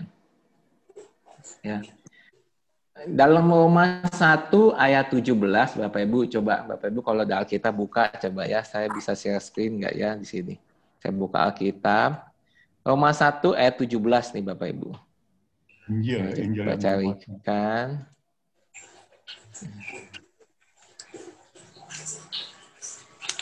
Dikatakan demikian nih Bapak Ibu. Ya. Roma 1 ayat 17 nih Bapak. Orang benar akan hidup oleh iman. Kelihatan nggak Bapak Ibu? Hmm. Roma 1. Ya. Sebab ayat 17. Ya, betul. Itu lengkapnya begitu. Ya. Sebab di dalamnya nyata, nyata kebenaran, kebenaran Allah, Allah yang, yang bertolak, dari iman dan memimpin, dan memimpin pada iman. Ya. Seperti ada tertulis orang benar akan hidup oleh iman. Nah, ya. Bapak Ibu, apa maksud orang benar hidup oleh iman?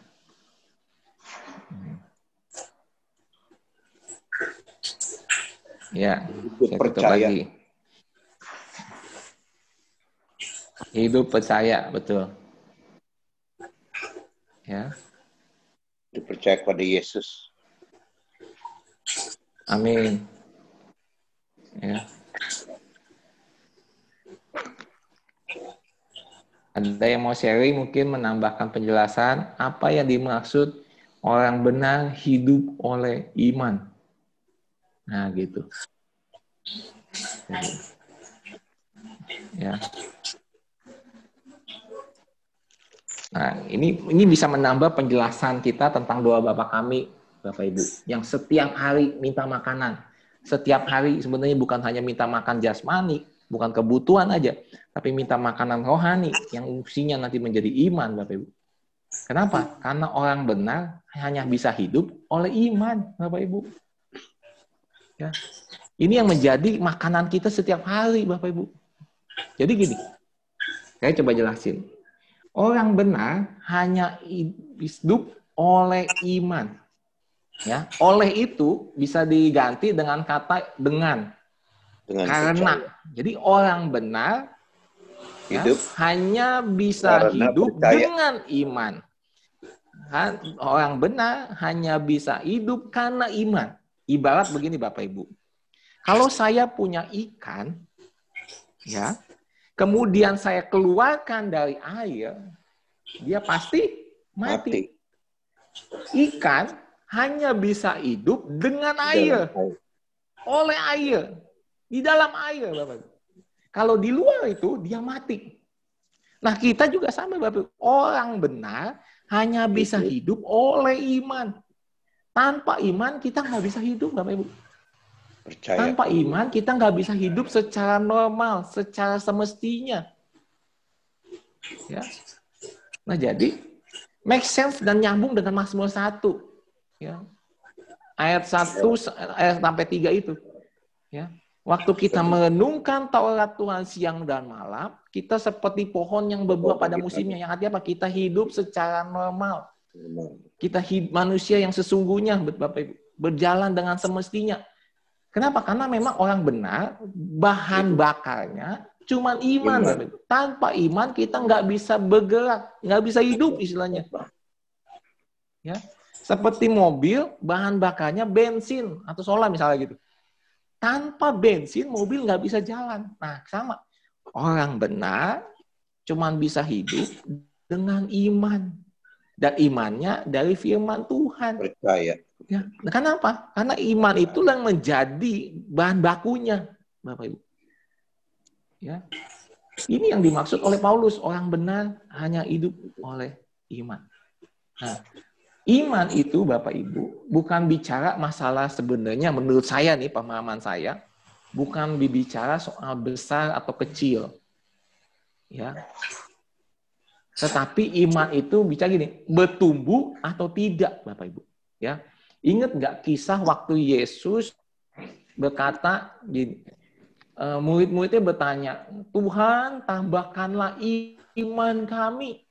Bila. Kemudian Yesus berkata, kalau nggak salah di Lukas 17, Bapak Ibu. Bila Tuhan cuma begini. Besar Sekiranya kamu memiliki iman, sebesar, sebesar biji sesawi saja, ya, kamu coba. bisa gunung. Sebesar sebesar ini nggak bu, Bapak Ibu? Biji sesawi sebesar apa sih? Kecil. Ada yang pernah ke Israel mau lihat biji? Rambut. Hah? Serambut. Kecil.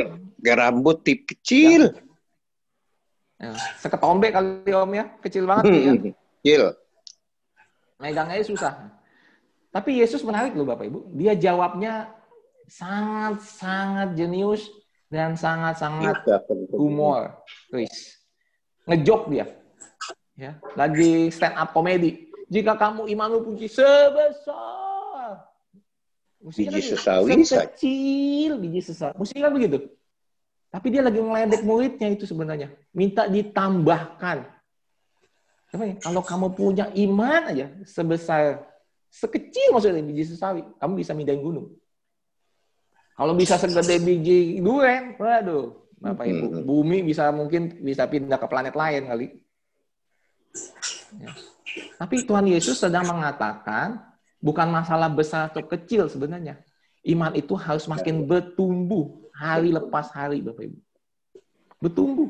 Jadi nggak ada dibilang gini, wow, iman kamu sih gede, iman saya kecil. Bukan itu sebenarnya konteksnya. Iman kita udah makin bertumbuh belum? Itu dia maksudnya. Ya. Jadi, seakan-akan kan paradoks, kok besar tapi sebiji sesawi.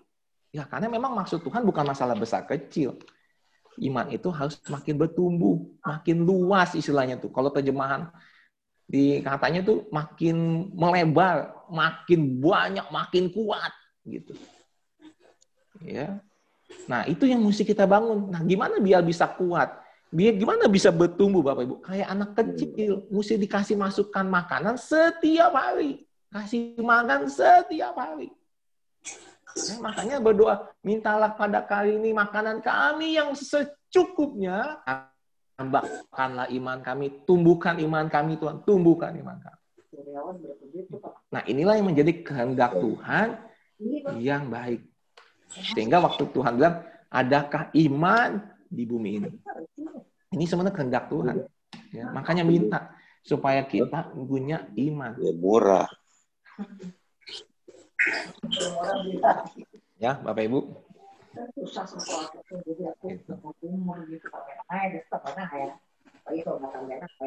Ya. Oke.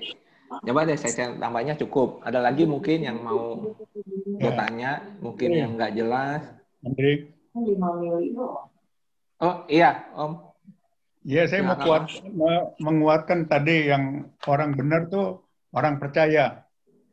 Itu kalau ya. kita lihat saya barusan lihat nih di kamus bahasa Alkitab, kan di tiap Alkitab hmm. ada kamus Alkitab tuh ya. Nanti ya, saudara bisa lihat orang benar hmm. yang ter orang benar tuh sama dengan orang percaya kepada Yesus Kristus. Jadi orang betul. benar hidup oleh iman sama juga orang percaya Yesus Kristus harus hidup oleh iman. Nah, itu aja Andri. Amin. Saya benar. menguatkan tadi jawaban yeah, thank you, Om. Orang benar tuh orang percaya. Karena hmm. orang percaya sama dengan yeah. orang benar sama dengan orang yang percaya orang kepada Yesus Kristus. Pada Yesus. Nah, hmm. Jadi orang yang percaya kepada okay. Yesus Kristus harus hidup oleh iman. Ya itu oh, aja. Iman. Bukan ini, bukan nambahkan menguatkan. Oke. Okay. Ya. Menguatkan. Thank you Om, nggak apa-apa Om. Hmm. Iya. Hmm. Ya. Tetap orang benar harus hidup dalam iman, betul. Ya, orang percaya harus tetap hidup dalam iman. Betul itu. Oke. Oke, saya kembali lagi. Ini udah selesai. Kepencet.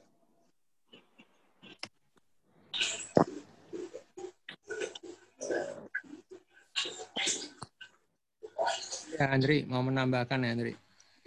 Iya, silakan. Om Chandra kepencet ini share-nya kayaknya. Iya nih. Iya nih. Hmm, udah. Nih. Silakan Ko Johan. Ya.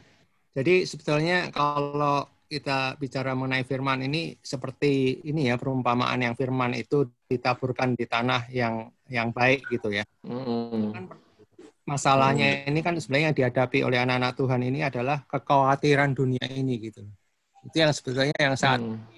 uh, dengan adanya pandemik ini sebetulnya mau nggak mau ya atau secara tidak langsung anak-anak Tuhan itu banyak yang kena dampaknya nih dari mungkin dari sisi bisnisnya, hmm. gitu loh.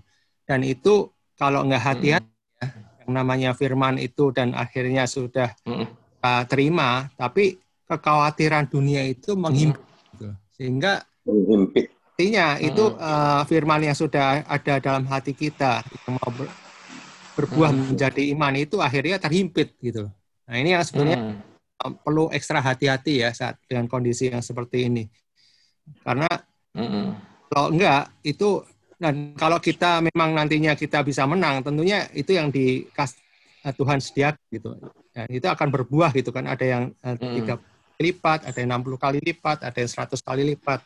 Dan yang menariknya ini ya mengenai uh, mm. 30 kali, 60 kali, 100 kali itu kalau saya uh, ini ya, saya dapat pengertian ini bahwa itu bukan artinya 30 kali mm. atau 30 persen gitu loh. Nah ini 30 kalinya Tuhan itu berlipat-lipat. Mm. Ini bisa akar kuadrat gitu loh.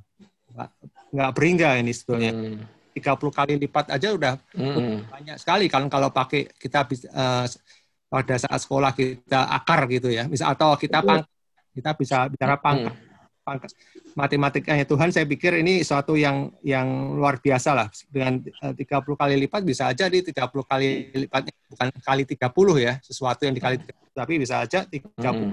uh, pangkat pangkat 30 gitu. Nah, itu kalau pangkat 30 kan banyak sekali. Hmm. Nah, Uh, satu hal lagi yang yang saya uh, dapat pengertian pada saat saya ini ya renungan firman Tuhan ini yang terkait dengan saat uh, Yesus masuk ke Kapernaum itu waktu uh, hmm. Bait Suci minta supaya ini ya uh, memberikan persembahan. Dan pada waktu itu dia sama Simon Petrus. Dan dia bilang sama Simon Petrus uh, harus ke karena Simon Petrus ini kan latar belakangnya dia nelayan dan dia diminta untuk mancing ikan hmm. gitu. Dan dia mancing ikan hmm. dan waktu itu masih ingat nggak mancing ikan ikan yang pertama yang di koin. ada uangnya, ada koinnya, ada empat gram. Hmm. Yang kedua dikasih untuk atas nama Tuhan, yang dua lagi untuk ya, Kaisar. Dan yang menarik lagi gitu ya, saya luar biasa nih cara kerja Tuhan. Ya bayangin kalau misalnya Petrus tadi diminta untuk uh, mancing, dia perginya misalnya nggak ke Danau Galilea, tapi dia misalnya ke, ke pasar atau ke sawah gitu, dia kan nggak akan dapat. Kadang-kadang yang kita ini hmm. kadang-kadang nggak peka gitu. Pada saat kita, Tuhan ngomong apa melalui hmm. kita melakukan yang yang lain gitu, sehingga firman firman itu ya tadi buahnya itu nggak akan bisa jadi maksimal gitu, karena kita beda gitu. Kita minta apa, kita melakukannya B gitu ya kan plan A jadinya hmm. plan B gitu nah itu hmm. akhirnya nggak berbuah gitu nggak menghasilkan hmm. tapi saya melihat ini ketaatan uh, Petrus hmm. gitu ya pada saat diminta oke okay, kamu uh, pasti saya mungkin kalau saya jadi Petrus waktu itu saya ragu-ragu juga nih. Ini kapan saatnya tepat saya mesti ngumpan kail karena ini bukan jaring ya. Ini bukan hmm. growth gitu ikan kita nanti saring kita mana yang ada uangnya gitu enggak loh. Ini ikan pertama gitu loh. Tuhan ngomong ikan pertama hmm. nih akan ada uangnya. Ini yang menurut saya suatu yang luar biasa kalau rencana Tuhan gitu ya kalau Tuhan ngomong apa itu melihat kedaulatan Tuhan kemahatauan Tuhan atas semua yang di dunia ini gitu. Sebenarnya kita jangan nggak perlu khawatir lagi kalau hmm. kita di tangan Tuhan gitu ya. Kita nggak perlu khawatir. Cuma ya kembali ada hmm. iblis tuh nggak dia tinggal diam tadi ya. Kekhawatiran dunia itu yang akhirnya bisa menghimpit kita, iman kita yang yang tadi yang cukup sebetulnya Tuhan bilang iman sebesar biji sawi itu akhirnya masalahnya iman itu kan harusnya bulat gitu. Tapi masalahnya kalau dengan kekhawatiran itu iman kita nggak jadi bulat gitu. Nah itu yang menyebabkan kita kalah gitu. Hmm. Mau tambahkan bahwa sebenarnya hmm. uh, dengan kondisi yang sekarang ini ya kita penting sekali gitu ya untuk ya eh, baca firman Tuhan dengan dengaran dan melaksanakan dan melaksanakan ini benar-benar yang sesu, yang kadang kita sendiri kan semua apa yang maksudnya Tuhan minta kita, uh, kita lakukan nggak semuanya tertulis dalam firman Tuhan dalam Alkitab gitu. Misalnya kita misalnya untuk hmm. waktu studi hmm. kan kita di Alkitab nggak di, nggak dijelaskan ya kita harus studinya ambil jurusan apa itu kan semua uh, Tuhan bicara masing-masing ke kita unik gitu ya sesuai dengan apa yang rencana hmm. Tuhan itu memang nggak semuanya ada di di apa di Alkitab tapi dengan kita seiring dengan langkah dengan Tuhan, firman itu dan Roh Kudus itu yang membimbing kita gitu supaya supaya kita masuk dalam rencananya. Hmm. Itu aja sih, Andri. Mm -mm. Ya, yeah, thank you Kak Johan. Ya, yeah. firman itu bisa menjadi rema atau mungkin berbicara langsung ke kita bisa Bapak Ibu ya. Gitu. Jadi ya boleh bisa itu dipahami juga. Ya kadang kita juga dapat Tuhan ngomong ke kita langsung gitu ya. Nah, itu mungkin menjadi pengalaman pribadi kita ya. Itu menjadi firman buat kita ya. Firman yang merema, yang terkatakan buat kita, bukan buat orang lain mungkin ya. Tapi buat kita gitu. Jadi memang masing-masing makanya kita harus mencari kehendak Tuhan. Firman Tuhan yang merema pribadi ke kita Bapak Ibu ya. Itu penting. Ya, tapi jangan lupa yang umum ini juga yang dia tertulis nih. Ya ini. Karena dari sinilah yang menjadi dasarnya. Baik, Karena di dunia ini nggak yang benar, Bapak Ibu. Yang benar yang kita percaya cuma firman Tuhan. Amin. Udah, kita jadi pegangan. Ya, orang bisa berkata Tuhan berkata begini, Tuhan berkata begitu. Nah ini, ini ujiannya di sini. Ya. Back to Bible. Gitu. Back to the Bible. Ya. Jadi sekali lagi, jangan sampai Alkitab yang tertulis atau Alkitab yang di gadget membuat kita semakin nyaman, ya membuat kita semakin nggak kenal Tuhan lagi malah. Cuman baca Alkitab tapi nggak kenal Tuhannya. Nah itu yang bahaya nih. Ya nah bagaimana bisa dikenalin? Ayo direnungin. Ya. Yuk sekali-sekali baca stop. Udah direnungkan. Ya. Mau baca, mau direnungkan satu pasal kayak satu perikop seminggu sebuah minggu nggak apa-apa. Nggak merasa jangan merasa berdosa bapak ibu. Nggak. Karena kita bisa dapat sesuatu nanti dari situ. Ya. Iya. ayo. Ya direnungkan itu yang penting ya dan itu yang menjadi tindakan ya iman itu disertai dengan tindakan bapak ibu ya waktu kita percaya ada tindakannya ya belajar Memang, merendahkan diri diri nah ya itu belajar merendahkan tindakan. diri percaya kepada firman Tuhan Amin. dan lakukan gitu. firman yang tertulis itu mm -hmm. aja sih Iya kak. Gitu. Baca, ya. dengar, kalau nggak lakukan percuma. Okay. Jadi kita harus harus merendahkan hati kita, mau mau apa belajar dan mau melakukan setiap firman yang tertulis di dalam Alkitab, ya gak? Memang kita belum sempurna, tapi mau belajar gitu aja lah. Ya. Mm -mm. Amin. Andri, Oke, Om Hadi, ngomong, lanjut tangan. Saya mau tambahin Andri, lagi, Andri. Andri, Andri, saya sebentar. Oh, saya live dulu ya, oh, Andri. Oh, sebentar. Andri, oh, iya. saya live dulu oh, ya. Oh, Oke, okay, Om. Ikut ini nih, Zoom full gospel okay. ya. Ya, thank you ya. Tuhan Oke, okay, Om. Thank you. Ya. Thank you, Om, udah ikut loh. Tuhan berkati, yuk. Tuhan berkati, Om. Yo. Oke. Okay. Silakan Om Hadi. Enggak, tadi siapa Pak Johan ya aku kasih tambahan mengenai perumpamaan penabur. Justru gua Andri tadi bilang kan hmm. Roma 10 ayat 17 mendengar dari firman Tuhan iman timbul dari pendengaran firman Tuhan.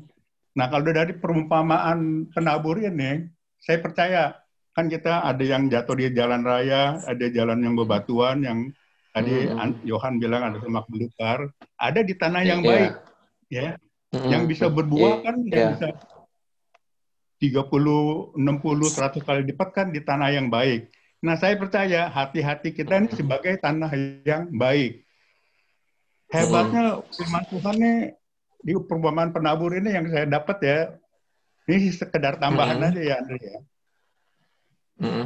uh, perumpamannya sama, tapi kita lihat di ayat yang terakhir, mm -hmm. uh, benih yang jatuh di tanah mm -hmm. yang subur itu kalau mm -hmm.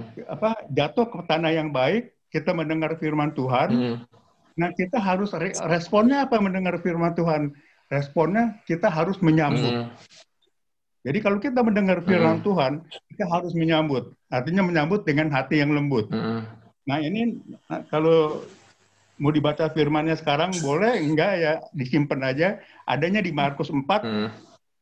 Ayat 2 ayat berapa begitu mm. tuh ya. Ayat 20 kalau nggak salah. Mm.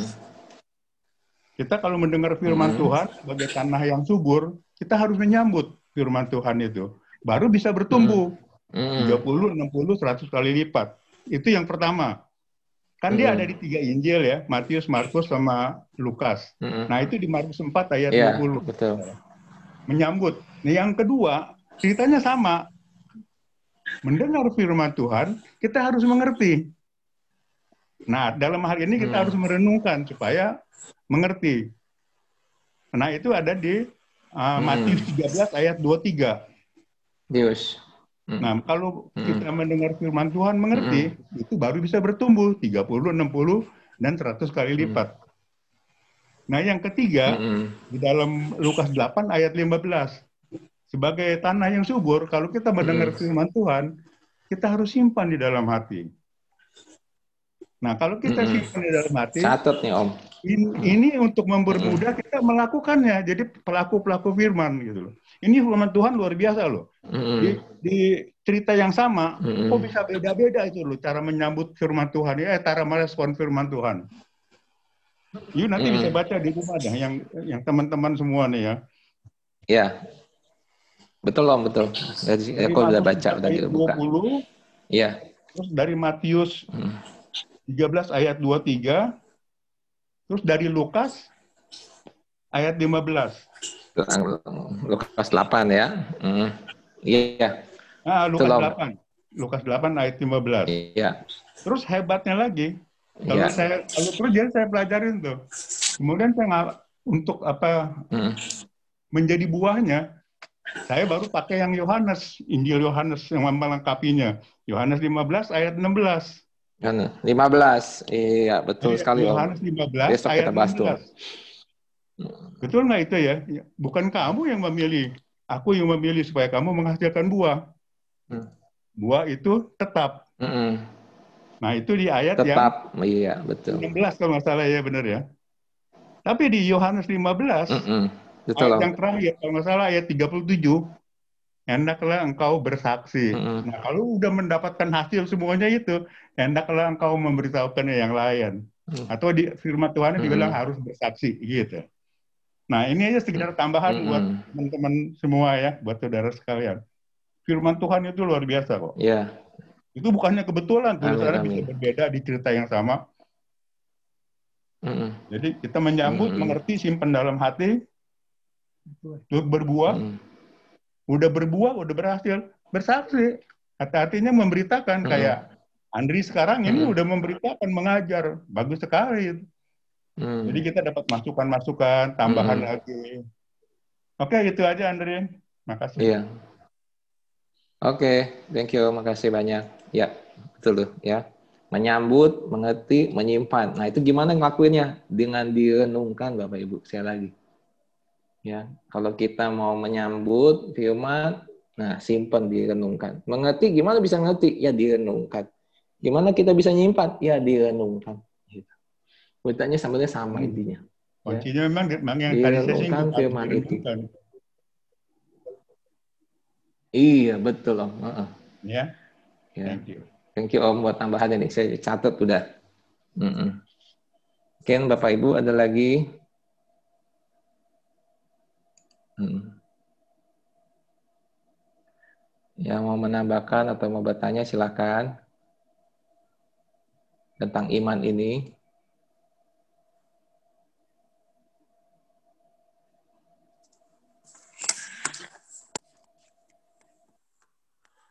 Ya, siapa itu? Ada? Ya, Andri. Mungkin saya mau. Uh, silakan, Tante. Iman juga iman juga kita harus bertindak. Uh, Betul. Karena uh, menurut uh, ini pengalaman saya ya waktu itu uh, hmm. seharusnya memang uh, kalau menurut prediksi dokter dulu ya ini kesaksian dulu ya udah lama ya. Hmm. Uh, sebelum hmm. saya punya anak itu kan memang uh, dokter udah sempat give up mm -hmm. ya uh, dibilangnya uh, mm -hmm. sulit lah gitu ya. Nah kemudian uh, mm -hmm. pada waktu saya ada ikut uh, retreat waktu itu, uh, kemudian hamba Tuhan mm -hmm. itu kasih nubuatan gitu untuk saya. Dia bilang bahwa mm -hmm. tahun depan mm -hmm. kamu akan punya anak. Nah, kemudian waktu itu kan memang uh, saya uh, lagi berobat sama dokter ya. Tapi kan memang mm -hmm. uh, setelah hamba Tuhan itu bilang seperti itu, iman saya timbul gitu loh. Jadi waktu mm -hmm. itu memang uh, saya mm -hmm. uh, belum punya anak, uh, tapi saya itu udah mm -hmm. beli baju-baju baby gitu. Karena saya merasa mm -hmm. dikuatkan gitu dengan uh, nubuatan hamba Tuhan itu untuk saya bahwa tahun depan kamu akan punya anak gitu. Mm -hmm. Kemudian saya belanja-belanja mm -hmm. gitu walaupun waktu itu saya belum hamil ya. Saya seolah-olah saya udah punya anak gitu. Saya beli-beli baju baby gitu. Nah, kemudian karena iman itu timbul dan saya bertindak, nah kemudian mm -hmm. apa yang mm -hmm. hamba Tuhan itu nubuatkan itu terjadi padahal waktu itu tuh saya tuh nggak lagi berobat di dokter gitu itu betul-betul uh, mujizat hmm. itu nyata gitu loh nubuatan itu tuh terjadi Amin. karena tindakan saya jadi hmm. iman itu bertindak juga gitu jadi hmm. tidak pasif gitu mungkin itu yang hmm. uh, saya hmm.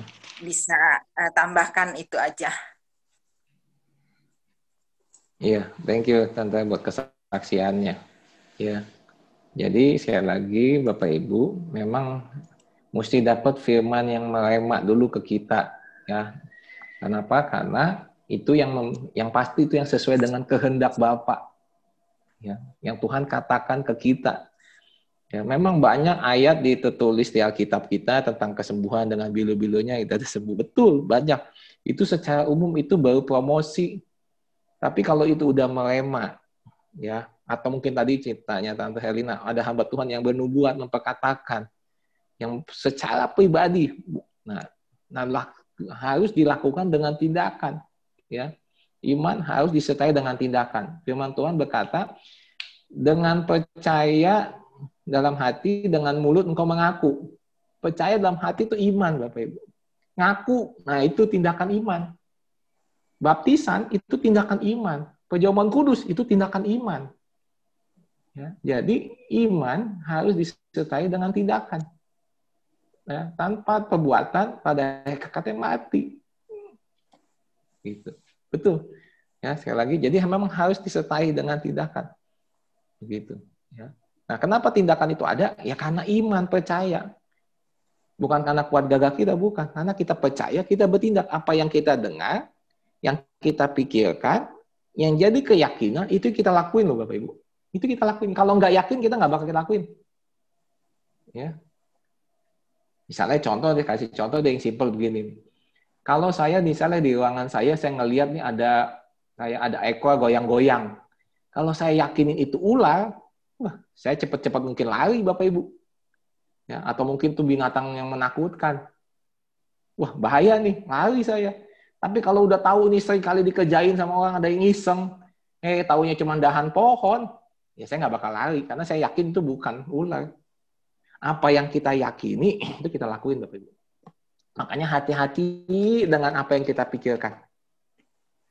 Karena apa? Yang kita pikirkan dari yang mulai dari dengar nih, kemudian jadi yang dipikirin, jadi yakin, keyakinan kita, itu yang kita lakuin.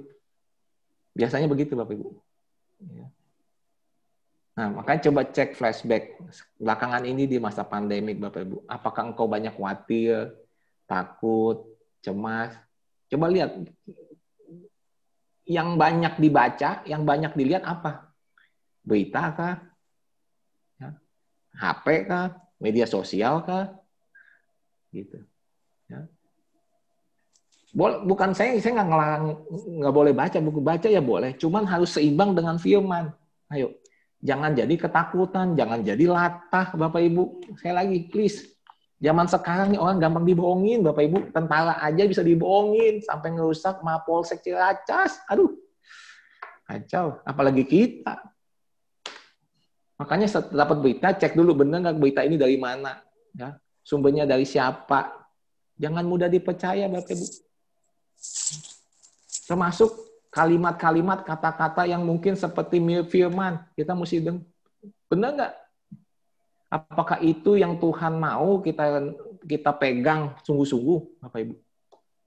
Ya, mesti benar-benar dipahami. Nih, kayak kemarin saya pernah bilang, Bapak Ibu, nanti kita akan belajar soal Ayub di minggu terakhir.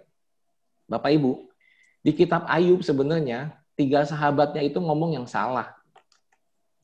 Termasuk Ayub juga ngomong yang salah waktu dia belum kenal Tuhan.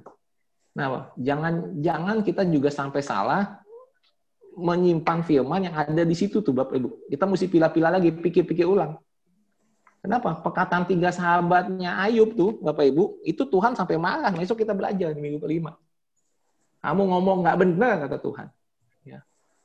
Satu, mereka mempersalahkan Ayub, dan Ayub merasa paling benar lagi, nggak merasa bersalah. Nah itu juga sama-sama salah tuh. Nah kita mesti hati-hati Bapak Ibu. Ya, jangan seperti tiga sahabatnya Ayub. Jangan juga merasa seperti kayak Ayub, masa yang paling benar. Gitu. Nah, makanya perlu dibaca, iya. Ayo direnungin. Kalau cuma sekedar baca, nanti kita cuma jadinya asal tembak Bapak Ibu oh ada kejadian ini, oh saya tahu ayat ini, hamba Tuhan pernah ngomong begini. Ya tapi belum Tuhan sendiri yang ngomong buat kita. Ya. Yuk, makanya dengan doa, belajar doa Bapak kami, saya bersyukur nih Tante Heliana minta doa Bapak kami. Mungkin pelajaran ini agak keras nih Bapak Ibu, sekali lagi ya. Mungkin agak gimana, tapi ini untuk semakin kita bertumbuh di dalam Tuhan, makin beriman gitu. Doa kita harus penuh dengan iman, bukan lagi dengan ketakutan, bukan lagi dengan memaksa, dengan lagi nuntut-nuntut Tuhan, ngeklaim-ngeklaim Tuhan. Enggak, cari kehendak Tuhan. Kalau udah dapat kehendak Tuhan, udah Bapak Ibu, lakuin aja, jalanin, percaya aja. Walaupun kelihatannya mustahil. Gitu.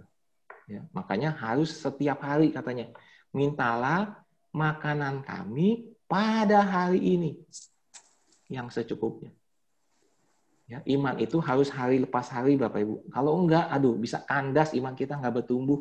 Mesti dikasih makan Bapak Ibu manusia rohani kita nih. Kalau enggak kandas, ya bukan masalah rezeki, bukan makanan jasmani. Ya, memang iya betul juga itu bisa. Cuman yang paling penting adalah masalah rohani itu. Minta setiap hari. Tambahkanlah iman kami ya Tuhan pada hari ini yang secukupnya. Gitu. Ya. Mungkin ini baru buat Bapak Ibu ya. Doa Bapak kami minta makan biasanya kebutuhan aja. Tapi kalau saya kan ngebahasnya tentang iman. Nah, ini ini pemahaman saya, saya mau bagikan supaya Bapak Ibu, ayo jangan hanya urusan jasmani aja Bapak Ibu. Yuk yang rohani kita perlu minta. Ya. Oke, ada lagi Bapak Ibu yang mau ditanya?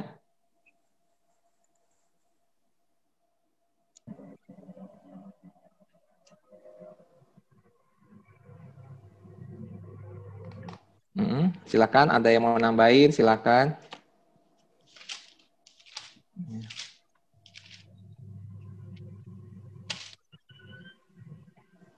Lukas, saya lagi catat dulu nih.